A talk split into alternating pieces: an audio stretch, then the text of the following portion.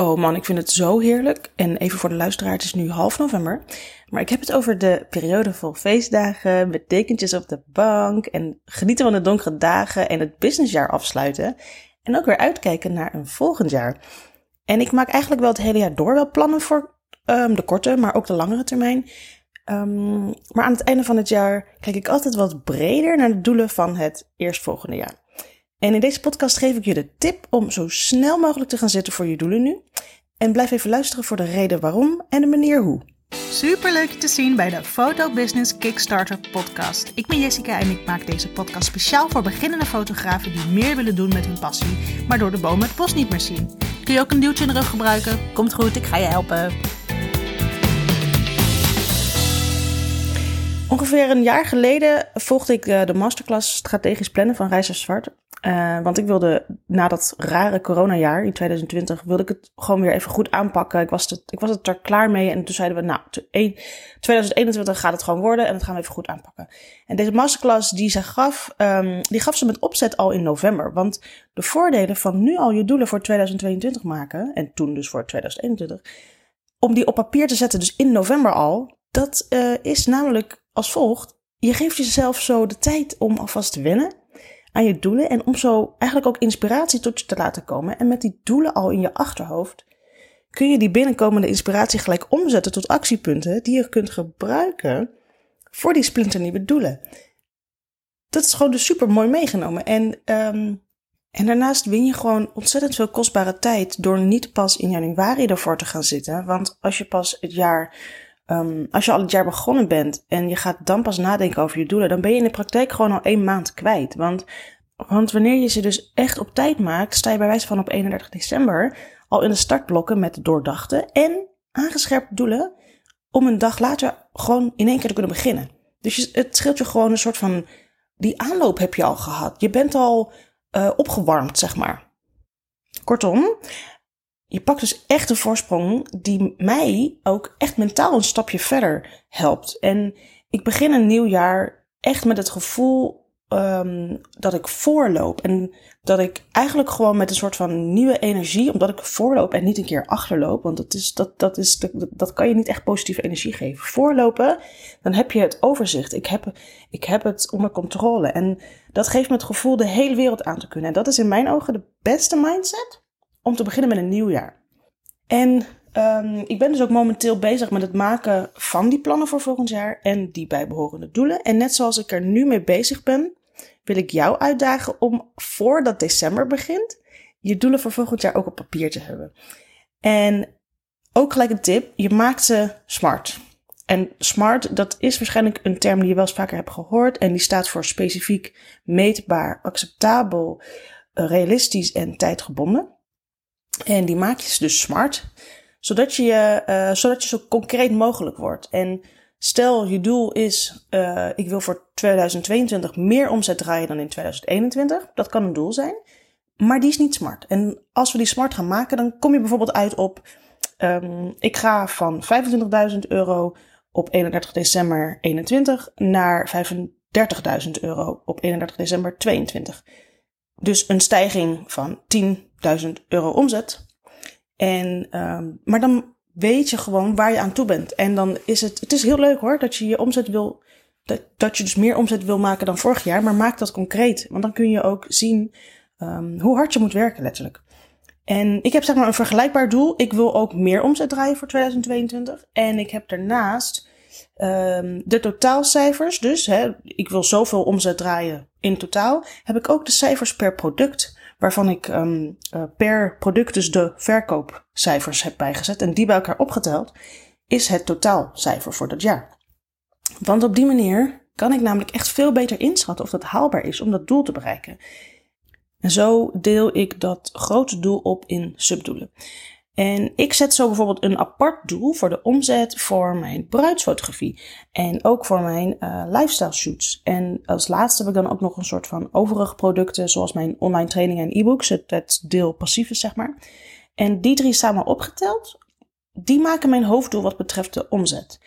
En um, ook heel fijn is van het opsplitsen van dat hoofddoel, is dat ik heel goed kan inschatten of mijn hoofddoel überhaupt wel haalbaar is. Want stel je zegt iets van, en ik ga nu echt super overdrijven, maar om het eventjes uh, uh, goed helder te, te maken voor je. Ik wil 1 miljoen omzetten. En dat doe ik alleen door het aanbieden van bruidsfotografie. Dan zou ik, even, ik, ik heb het zeg maar um, voor, voor, voor mijn gemiddelde uitgerekend. Dan zou ik gemiddeld 625 bruiloften in één jaar moeten doen. Dat is dus wel duidelijk dat dat niet haalbaar is. En wat ik dan heb gedaan, is mijn hoofddoel um, van de omzet. Die heb ik dus opgesplitst in die verschillende producten die ik dus aanbied. En dat zijn voor mij dus die drie groepen. En dan draai ik het ook soms wel eens eventjes om. En dan kijk ik naar wat ik graag zou willen. Want ik ben wel ondernemer geworden vanwege de vrijheid en het kunnen kiezen wat ik graag wil doen. En dingen doen die ik alleen maar leuk vind. Dus ik, ik kijk ook zeker naar wat ik graag zou willen. En voor bruidsfotografie betekent dat in mijn geval dat ik niet meer dan 15 bruiloften wil doen in een jaar. Ik ben niet een persoon die er die alleen maar 35 bruiloften wil doen en verder niks. Ik, ik, um, ik doe graag van alles en nog wat. En ik vind 15 bruiloften per jaar wel prima. En mijn gemiddelde bruiloft die levert bijvoorbeeld, of die uh, kost zo'n 1600 euro. Dus 15 keer 1600 geeft mij 24.000 euro aan omzet.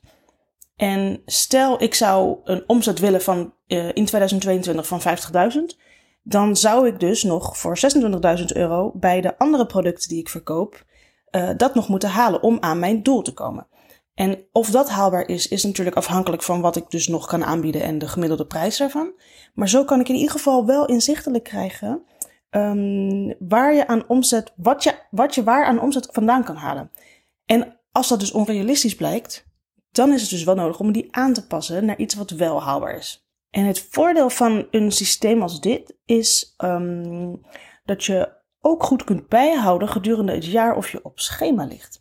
Want als je je doelen goed bijhoudt, zie je of je, of je harder moet werken voor het behalen van een van die subdoelen. Of dat je op schema ligt, dat kan natuurlijk ook.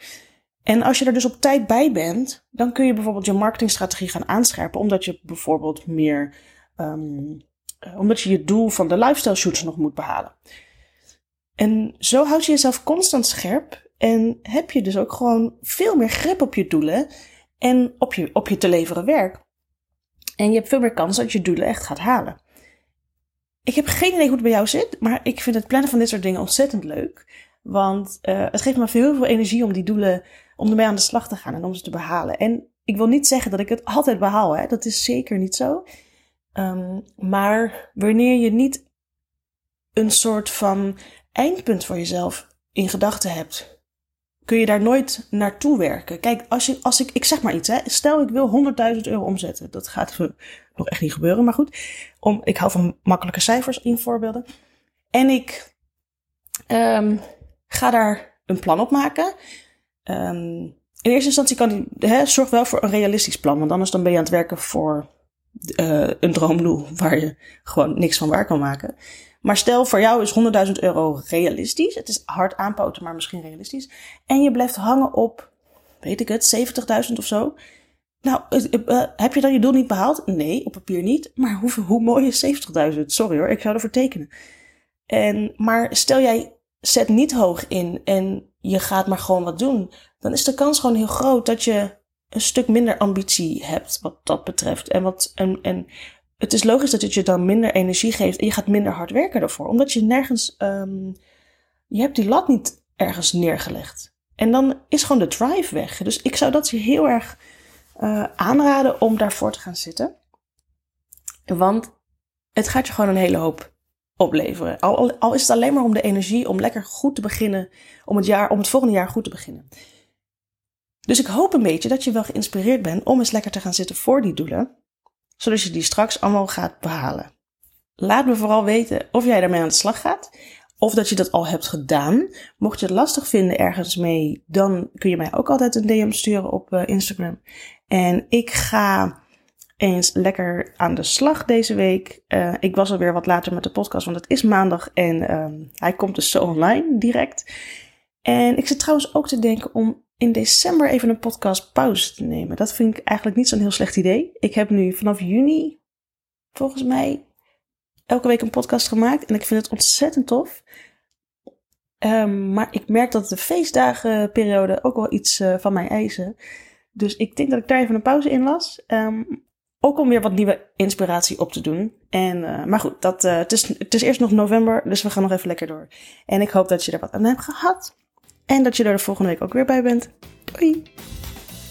Dat was hem weer. Mocht je nu denken dit was waardevol, deel dan deze podcast met iemand die de tips ook kan gebruiken. En daarnaast word ik natuurlijk super blij van een review. Dus laat me vooral weten hoe je het vond. Stuur een berichtje via Instagram via jessica.groenewegen of laat een review achter in je podcast app. Tot de volgende keer!